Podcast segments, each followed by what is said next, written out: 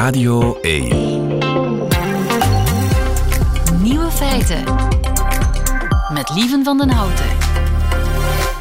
Dag en welkom bij de podcast van Nieuwe Feiten van 25 januari 2022. In het nieuws vandaag dat veel Nederlandse vrouwen tegenwoordig Peter heten.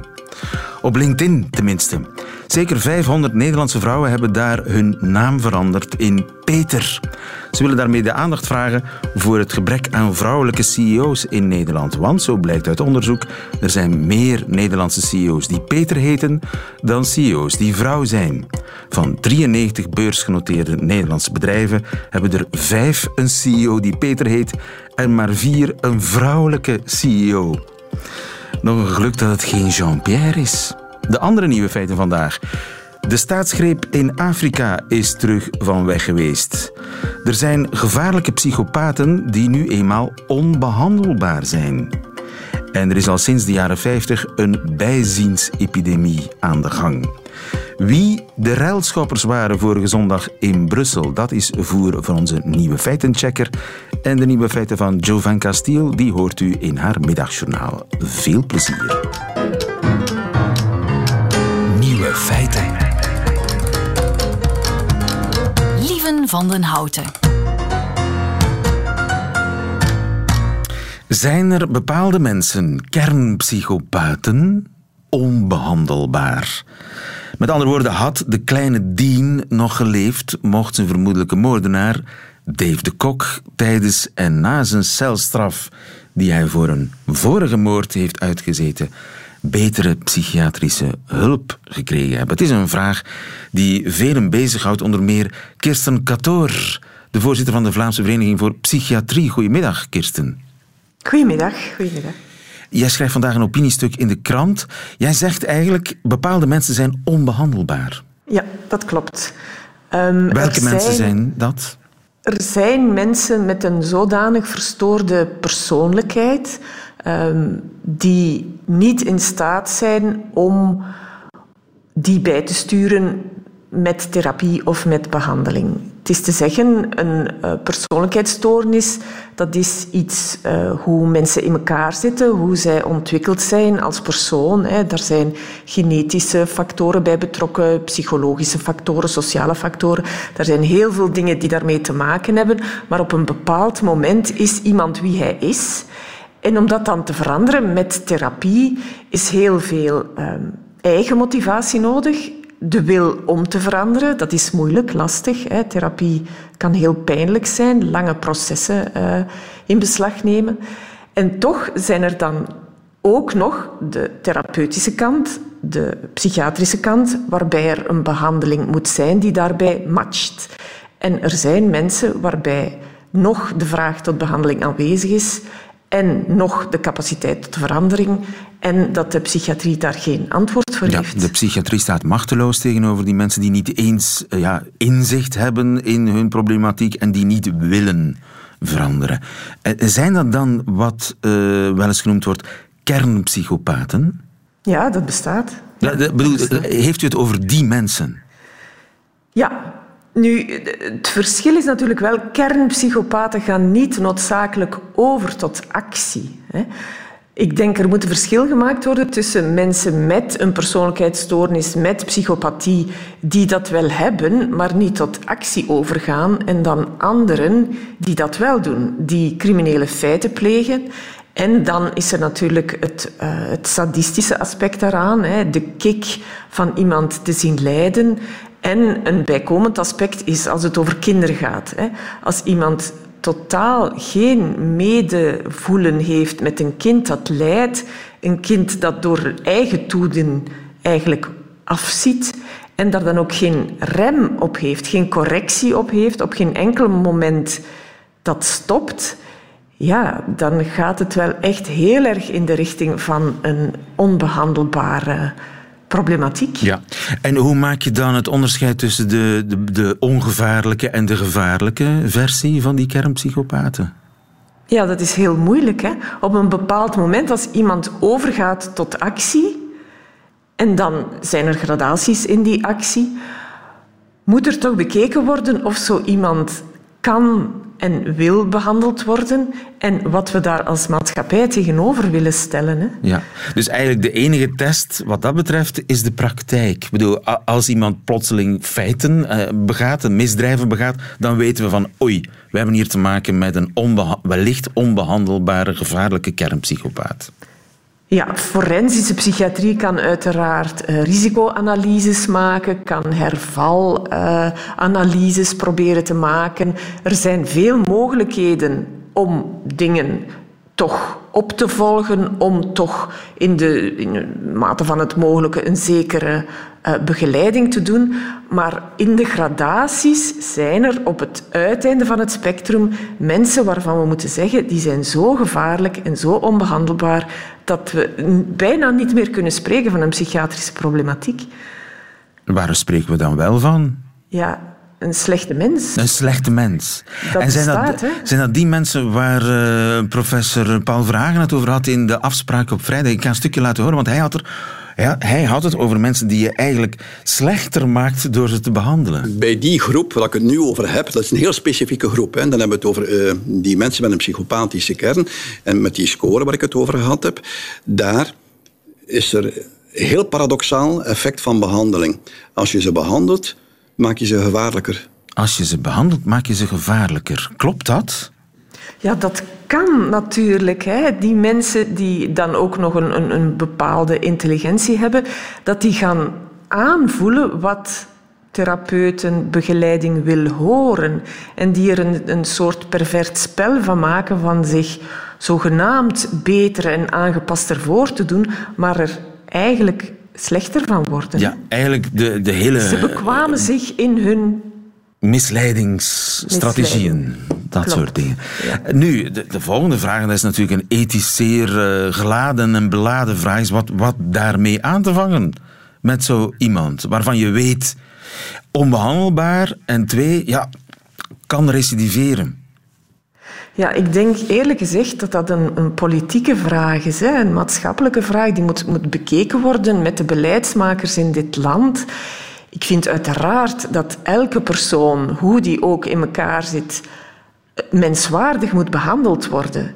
En dat daar oplossingen voor moeten uh, gevonden worden waar wij met z'n allen een menswaardigheid voor kunnen uh, blijven bieden. Ja, maar zeg je dan, je moet die eigenlijk op menswaardige manier uit de samenleving halen? Misschien wel, ja. Tenzij wij met z'n allen akkoord zijn dat het goed is dat er risico's bestaan. En dat is eigenlijk de politieke afweging die helder op tafel ligt. Ja, Kirsten denk... Katoor, dankjewel. Heel helder. Voorzitter van de Vlaamse Vereniging voor Psychiatrie. Goedemiddag. Tot later. Dag. Wie zijn toch die relschoppers op elke coronabetoging? De politieagenten in volle gevechten nu gaan nu chargeren richting Jubelpark. Ze proberen zo het Schumannplein, het centrum van de Europese instellingen, vrij te houden van de betogenden en de demonstranten die hen al meer dan een half uur zwaar bekogeld hebben.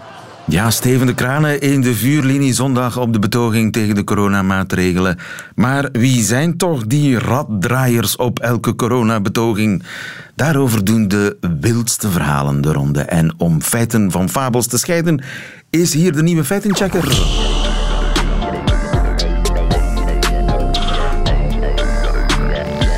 De nieuwe feitenchecker. Rien Emery, goedemiddag. Goedemiddag. Rien, je hebt de voorbije uren beelden en berichten op de sociale media geanalyseerd over de relschoppers in de heethoofden, zoals dat ook vaak heet. Uh, op de meeste coronabetogingen, ook die van vorige zondag. Dat, want daarover ja, circuleren de wildste verhalen. Hè. Bijvoorbeeld dat zij betaald worden door de regering. ja, dat is een klassieker. Uh, je dat, lacht, uh, maar er zijn ja. mensen die dat geloven. Mensen geloven dat echt. Uh, ja, er, er, is zelfs een Europees parlementslid van uh, Vlaams Belang die, die achteraf getweet heeft van ja, dat zijn systeemknechten die worden uitgestuurd om deze betoging te discrediteren met hun rellen. Ja, daar is niets van aan. We hebben, ik heb inderdaad het, het Je hebt het onderzocht, alleen, die, of, of er systeemknechten betaald zijn. Ja, ik heb het onderzocht en niet alleen uh, de voorbije dagen, maar ook zelfs live op het moment zelf um, zat ik thuis.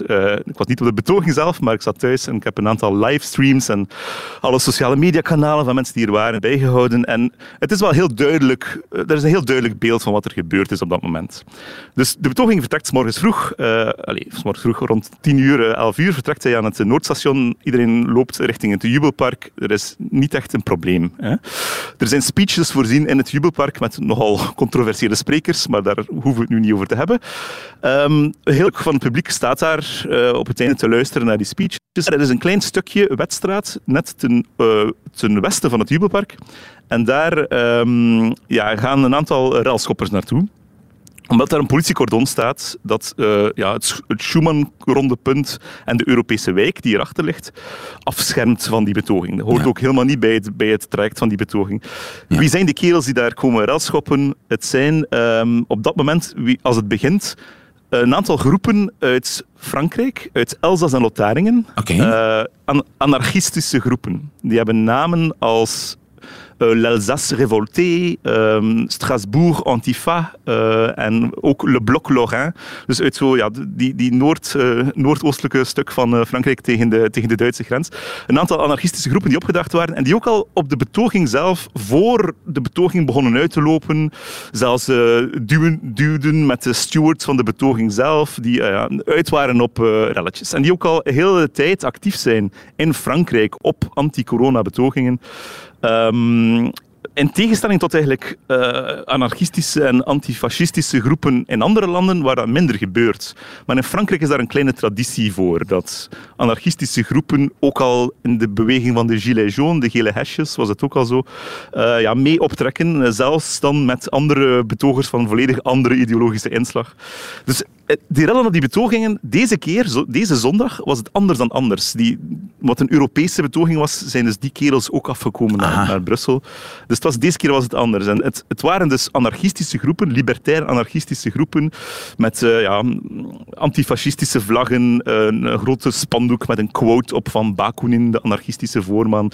Dus, um, en ja, dat, bedoel, daar dwepen de... ze ook echt mee. bedoel, ze zijn ook echt extreem links. Ja, ja, het, het, is niet zo dat het soort extreem rechts als extreem links. Want dat lees nee, nee, je ook zijn... hier en daar.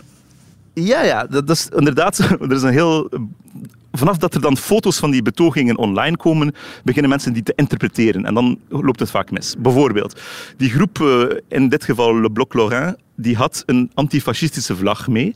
En als je weet hoe die eruit ziet, dat is altijd een vlag. En op die vlag staan nog twee vlaggen, namelijk een rode en een zwarte.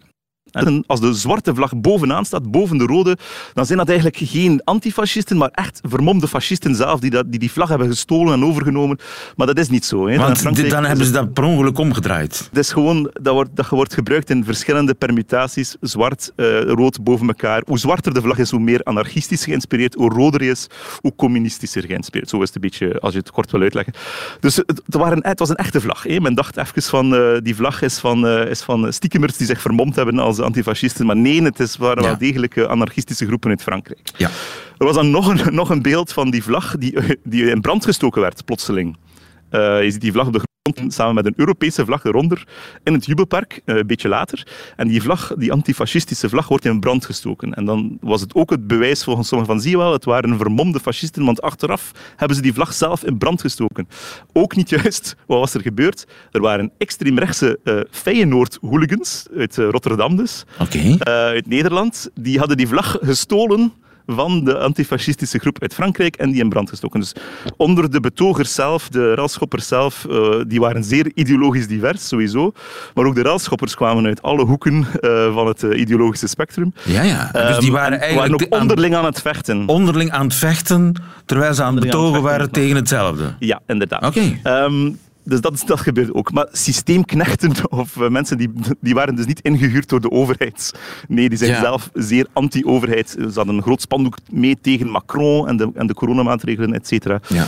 Dus uh, dat was er aan de hand. Op dat en moment. Ja, het verhaal dat ook de politie zelf tussen de aanstokers liep, ook dat verhaal circuleert weer, hè? Ja, en dat is ook gebaseerd, zoals de vorige keer ook, dat is eigenlijk bij elke betoging. Hoe komt dat? Net zoals de vorige keer en net zoals bij elke betoging, de politie is aanwezig natuurlijk met een uh, riot gear en helmen en wapenstokken en uh, waterkanon, et cetera, en traangas, zeer veel traangas. Maar er zijn ook undercover politieagenten aanwezig. Die zich vermommen als betogers. Uh, meer dan meestal eigenlijk zich vermommen als ruilschoppers. Ja. Ze zien eruit, ook gemaskerd, zwart trainingsbroek gekleed, zwart aan, masker. zwarte trainingsbroek, hè? dat, is eigenlijk, dat hoort erbij. En, en, en een uh, Ja. muts. Zwarte trainingsbroek en een muts. En er is dus één, één filmpje terug van de betoging deze zondag, waar eh, een cordon politieagenten staat die met traangas eh, zich aan het afschermen is eh, van allerlei mensen, relschoppers. En er komen twee mensen aangelopen die er exact uitzien als relschoppers. En die krijgen dus ook traangas in hun gezicht, maar die legitimeren zich en ze tonen van hey, nee jongens, eh, wij zijn collega's van jullie, we zijn undercover agenten. Worden dan even binnengelaten in het cordon. Eh, om eh, vermoedelijk traangas uit hun ogen te wrijven.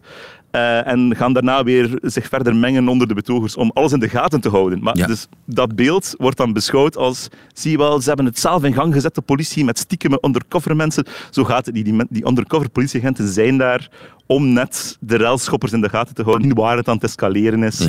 Ja. Omdat ze niet, ja, bedoel, je kan niet als individuele politieagent daar rondlopen in uniform, want dat was de bedoeling duidelijk van heel wat mensen die daar waren, zowel de extreem linkse groepen als de extreem rechtse groepen, als heel veel hooligans ook uit verschillende landen, echte voetbal, voetbalhooligans, hè, die kwamen gewoon om te rellen en te vechten met de politie.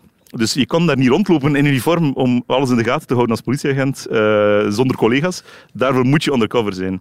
En dan, ja, telkens worden die gefotografeerd terwijl ze met oortjes aan het communiceren zijn en zo. En dan worden die beschouwd door mensen die op die betoging zijn als, eh, als, Systeemknechten.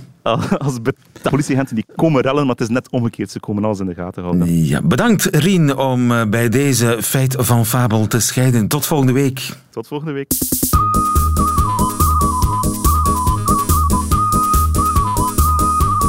Nieuwe feiten. Vroeger was het beter, klopt meestal niet die uitdrukking, maar soms dus wel. Onze ogen bijvoorbeeld waren vroeger beter, blijkt uit een grote Engelse studie. Goedemiddag, dokter Leroy.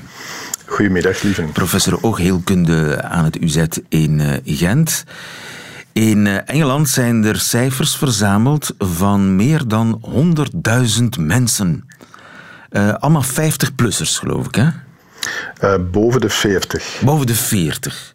Dus tussen 40 en 69 jaar oud, blijkbaar. En daaruit blijkt dat bijziendheid in de loop der tijden is toegenomen. Dus hoe later geboren, hoe groter de kans op een bril.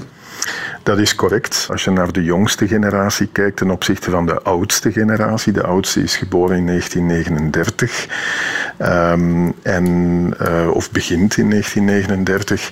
En de laatste is geboren in 1970. Dan zie je dat die laatste groep beduidend veel meer eh, bijziendheid heeft. Het gaat van 20% naar bijna 30%. En ligt dat aan de veranderde levensstijl? Het is eh, hoogstwaarschijnlijk zo.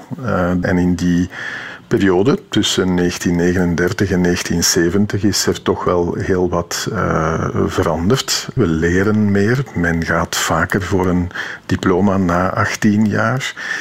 Eh, dat was vroeger een pak minder zo, dus we zitten ook heel wat meer dichtbij te kijken. En het lijkt dat daar toch ook een serieuze associatie mee is. Ah ja, dus, eh, dus we zijn dichter en dichter gaan kijken, waardoor we bijziender worden. Dat, dat is eigenlijk is de simpele uitleg. Dat is de simpele uitleg, lieven. En het is zo dat wanneer we dichtbij kijken, we een actieve inspanning eh, leveren van een, met een spier in het midden van ons oog, rondom de lens in het oog. Als je dat heel vaak doet, heeft het oog de neiging om te zeggen, ja, maar als ik wat langer word, dan moet je minder inspanning doen. Dus de wet van de minste moeite wordt ook gerespecteerd door onze ogen. En eh, wanneer je dus eh, je ooglengte, de aslengte van je ogen laat toenemen, dan word je bijziend. Maar dan moet je minder inspanning leveren om dichtbij scherp te stellen. En dus dat zou aan de basis liggen van die toename in bijziendheid. Hè. Voor de voornaamste factor, denk ik, is toch wel educatie en het meer dichtbij kijken, toch in die groep. Hè. We spreken hier in deze groep niet over de generatie die is opgevoed met alle smartphones. En Ja, want daar zijn we nog niet aan toe. Want het zijn de oude, je zegt de jongste mensen zijn geboren in 1970. Ja, Ja. dat zijn oude mensen, hè?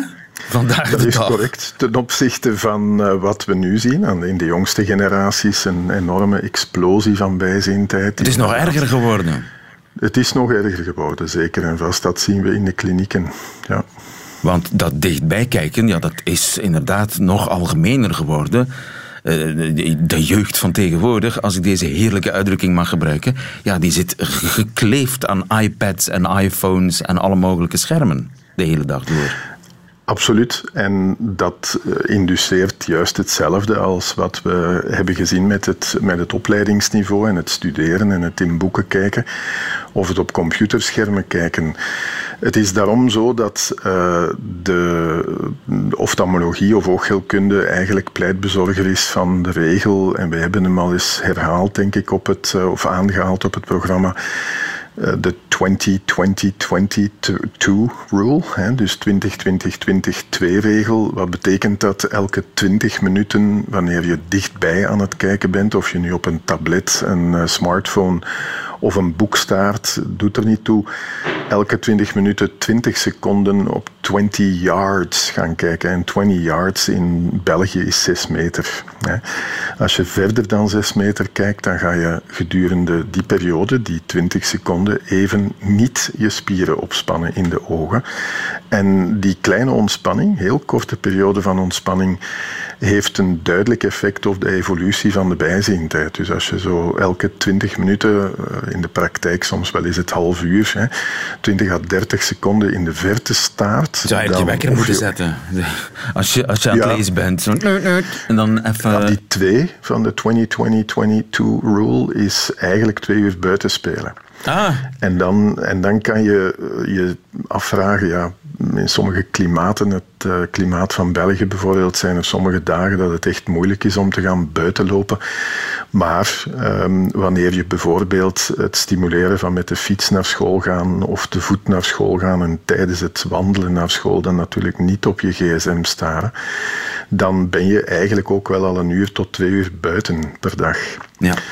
Het is blijkbaar het blootstellen aan de buitenlucht, maar ook vooral het licht buiten en het feit dat je ver kijkt op dat ogenblik, die ook een uh, goede invloed heeft op, op, uh, op de ontwikkeling van de bijziendheid. Ja.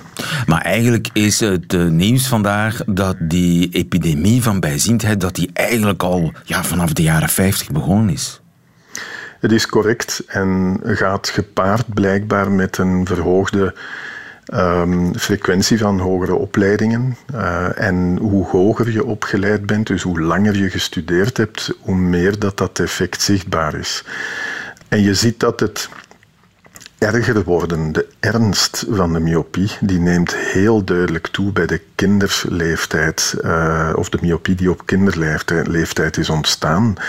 En daar moet je dus ingrijpen. En het is ook zo dat we zien dat uh, wanneer je daarop ingrijpt vanuit uh, oogheelkundige polyklinieken, dat je er ook een effect op hebt, dat je dus de myopie kunt uh, minder laten toenemen met bepaalde behandelingen te doen. We spreken dan voornamelijk over uh, druppeltjes die we gebruiken bij kinderen met een vroeg beginnende bijziendheid, waarbij we het uh, spier, de spierinspanning onmogelijk maken omdat we de spier lam leggen. Dan moeten we een leesbrilletje aanpassen, opdat het kind ook nog zou kunnen lezen. Maar als we dat doen, zien we dat er toch effect is op de evolutie. Dat die ernst van de bijziendheid minder snel ah, ja. toeneemt. En dat, dus je kan ingrijpen. En dat is toch wel uh, positief. Dankjewel, helder. Dr. Leroy in het UZ in Gent. goedemiddag. Goedemiddag. Nieuwe feiten. Radio 1. Terug van weg geweest. De staatsgreep. In Burkina Faso hebben militairen de president afgezet en de macht gegrepen. Het is al de zevende koe in Afrika op anderhalf jaar tijd. De comeback van de staatsgreep. En dat vraagt om Stijn Verkruisen. Goedemiddag, Stijn. Goedemiddag. Stijn, ja, je bent de Afrika-kenner van VRT Nieuws. Help mij even. Dus in Mali waren er twee, volgens mij, in 2020 en in 2021. In Tjaad hebben we erin gehad, Tunesië. In Tunesië, juist. In uh, Sudan hebben we er een gehad, nu in Burkina Faso, in Guinea, ook helemaal in het westen van Afrika. Zeven. Uh, en er, is ook, er zijn ook pogingen geweest. Er is een poging geweest in Niger bijvoorbeeld, ook in uh, de Sahel. Die tellen we er nog niet bij, die poging. Die tellen we nog niet bij, nee. nee. Zeven staatsgrepen op anderhalf jaar tijd in Afrika. Is dat toeval, Stijn Verkruisen? Wel, we moeten niet alles op, uh, uh, over een kam scheren. Natuurlijk, we moeten niet zeggen er zijn zeven staatsgrepen. gaan nu overal in Afrika staatsgrepen komen, een hele opleving. Maar er valt toch wel iets over te zeggen. Het valt toch wel op. Um, uh, het, het, ik denk dat het zo is dat ze naar elkaar kijken, de generaals. en dat Aha. de ene generaal bij de, het andere land ziet dat ze daar wel weer wegkomen met die staatsgrepen. Dat ze daar niet door gestraft worden. In tegenstelling, beloond. Ze krijgen alle macht in handen en de sleutels van de schatkist. Um, op een eigenlijk redelijk gemakkelijke manier. Um, en dus nemen ze weinig risico. En dus ja, is de rem met. Eigenlijk krijgen ze groen licht een beetje van de internationale gemeenschap om in hun eigen land ook een staatsgreep te plegen. Als die het mag en kan, dan kunnen wij en mogen wij dat ook. En dat is een tijdje anders geweest dan. Ja, inderdaad. We kennen natuurlijk eh, de jaren 60, 70, 80. Toen waren er veel staatsgrepen, ook in de jaren 90 nog in Afrika. In totaal, in die, in die 40 jaar na de onafhankelijkheid van de meeste Afrikaanse staten tot, tot de millenniumwissel ongeveer, waren er in totaal een tachtigtal geslaagde koers staatsgrepen. Dat wil zeggen zo'n 20 per decennium. En nog een, ja, meer pogingen eigenlijk. Maar dus 80 die lukten. En dat zagen ze in uh, Afrika natuurlijk ook. En de toenmalige Afrikaanse Unie was eigenlijk de Organisatie voor Afrikaanse Eenheid, uh, heette dat toen. Die uh, wilde daar toch een einde aan maken. Um, die hadden een, een, politiek van we bemoeien ons niet in de interne aangelegenheden van het land. Maar daar zijn ze dan in 2000 toch van afgestapt. En in de verklaring van Lomé hebben ze afgesproken onder elkaar: kom, we gaan dit um, scherper veroordelen, we gaan sancties opleggen, we gaan landen schorsen uit onze Afrikaanse Unie. En, en dat, heeft, heeft gewerkt, geholpen. Kennelijk. Dat heeft gewerkt. Ja, ook een belangrijk land als Nigeria, waar staatsgreep na staatsgreep werd gepleegd, ging over in 1999 uh, van, uh, van militair naar burgerlijk bestuur. Um, en, en daar, ja, die, die, die um, um, promoten dat ook zeg maar, in de regio. En dat heeft er toch ook voor gezorgd dat er minder staatsgrepen werden geploegd. Elke tien jaar waren het er minder en minder en minder tot nu. Ja, uh, ja plots zeven in anderhalf jaar. Waarom zijn, uh, ze ermee zijn ze ermee gestopt met die sancties? Wel, ik denk dat die straffeloosheid toch weer een beetje terug is uh, van toen. Het maakt allemaal weinig indruk. Ze zijn er niet mee gestopt. Door in Mali bijvoorbeeld worden nu opnieuw strenge sancties opgelegd op het, uh, op het uh, militair bestuur. Maar, um, maar de militairen, er is geen dreiging meer van interventie bijvoorbeeld uit het buitenland.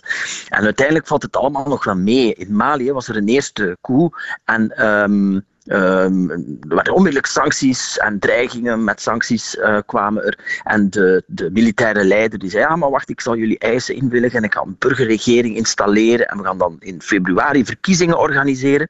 Ja, en dan kwam februari, deze februari hier aan. Zei, ja, ik kan er toch nog vijf jaar mee wachten met die verkiezingen. Ja, dan ja. kwamen er wel nieuwe sancties. Maar dus die sancties, die eerste sancties, die werden onmiddellijk gelicht eh, na zijn beloftes. Dus dat hadden ze blijkbaar toch verkeerd ingeschat. En dat vreet toch wel aan de geloofwaardigheid van die internationale gemeenschap, die lokale, uh, regionale instellingen, zoals Afrikaanse Unie en, en ECOWAS, maar ook de ja, Europese Unie en zo. Dat, het, het wordt allemaal, de soep wordt allemaal minder warm gegeten dan wat dat zo wordt opgediend. En dat zien de generaals, die, uh, die strafloosheid. Ja, dus eigenlijk de internationale gemeenschap zowel die in Afrika als buiten Afrika, de Europese gemeenschap, kan het minder en minder schelen wat die Afrikaanse leiders Wel, en het is ook, het, ze, ze, ze, gebruiken ook twee maten en gewichten. Hè. Als je kijkt, dus, uh, Mali krijgt uh, sancties opgelegd waardoor het land bijna versmacht wordt.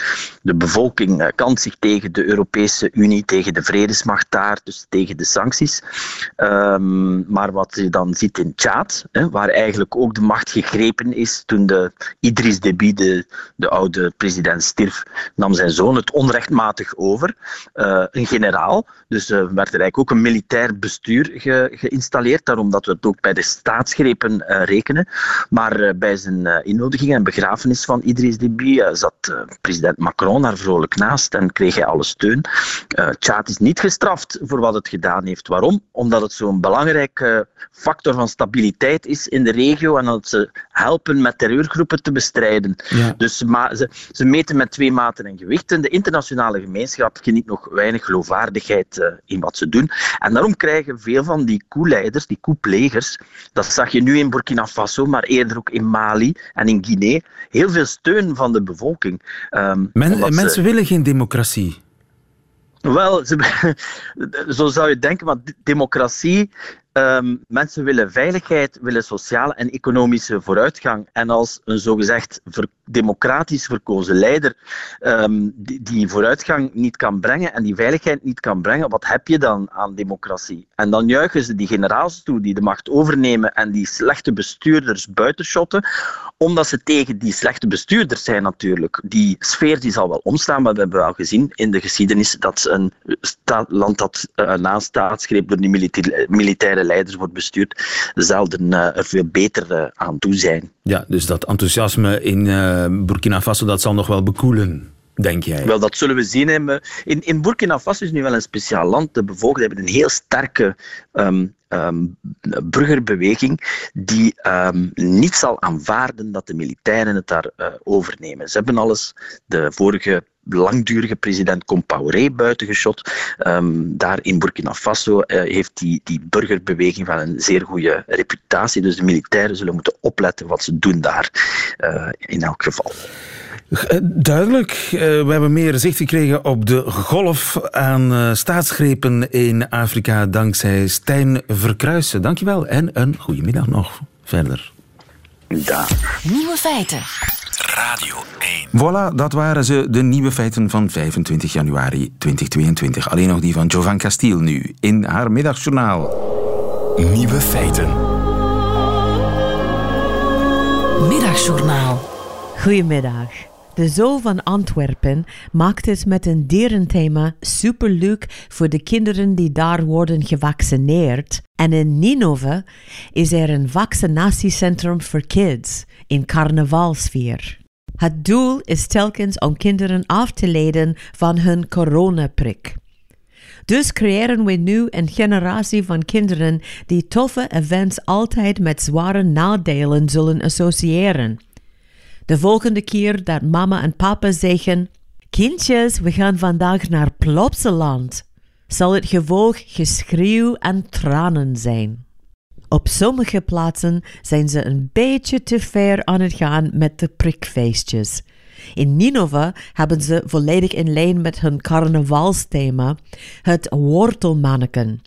Dat zijn volwassen mannen gekleed in wortelpakken. Waarom? Denken ze echt dat mensachtige wortelen een kalmerend effect op kinderen hebben? Waarom wortelpakken? Wiens idee was dat? We moeten de kinderen blij maken met toffe figuren. Wat zullen we doen? Honden, smurfen, Mickey Mouse? Nee, we moeten iets met groenten doen. Kinderen houden van groenten. In het artikel over het vaccinatiecentrum in Ninova staat er ook het kwartiertje rusten na de prik wordt aangenaam gemaakt voor de kinderen. Echt? Mama, waarom moet ik 15 minuten rusten na mijn coronaprik? Dat is zodat we zeker zijn dat er geen dodelijke neveneffecten zijn. Oh, kijk, daar is het broccoli-manneken. Als dit nu een ding wordt in de gezondheidssector, is het gewoon een kwestie van tijd voor ze deze methode voor alles zullen gebruiken. Mijn man was kei nerveus voor zijn operatie. Tot ik hem naar het sterilisatiecentrum in carnavalsfeer bracht. En zelfs als ik het komkommermanneke niet kon begrijpen, werd mijn man er onmiddellijk kalm van.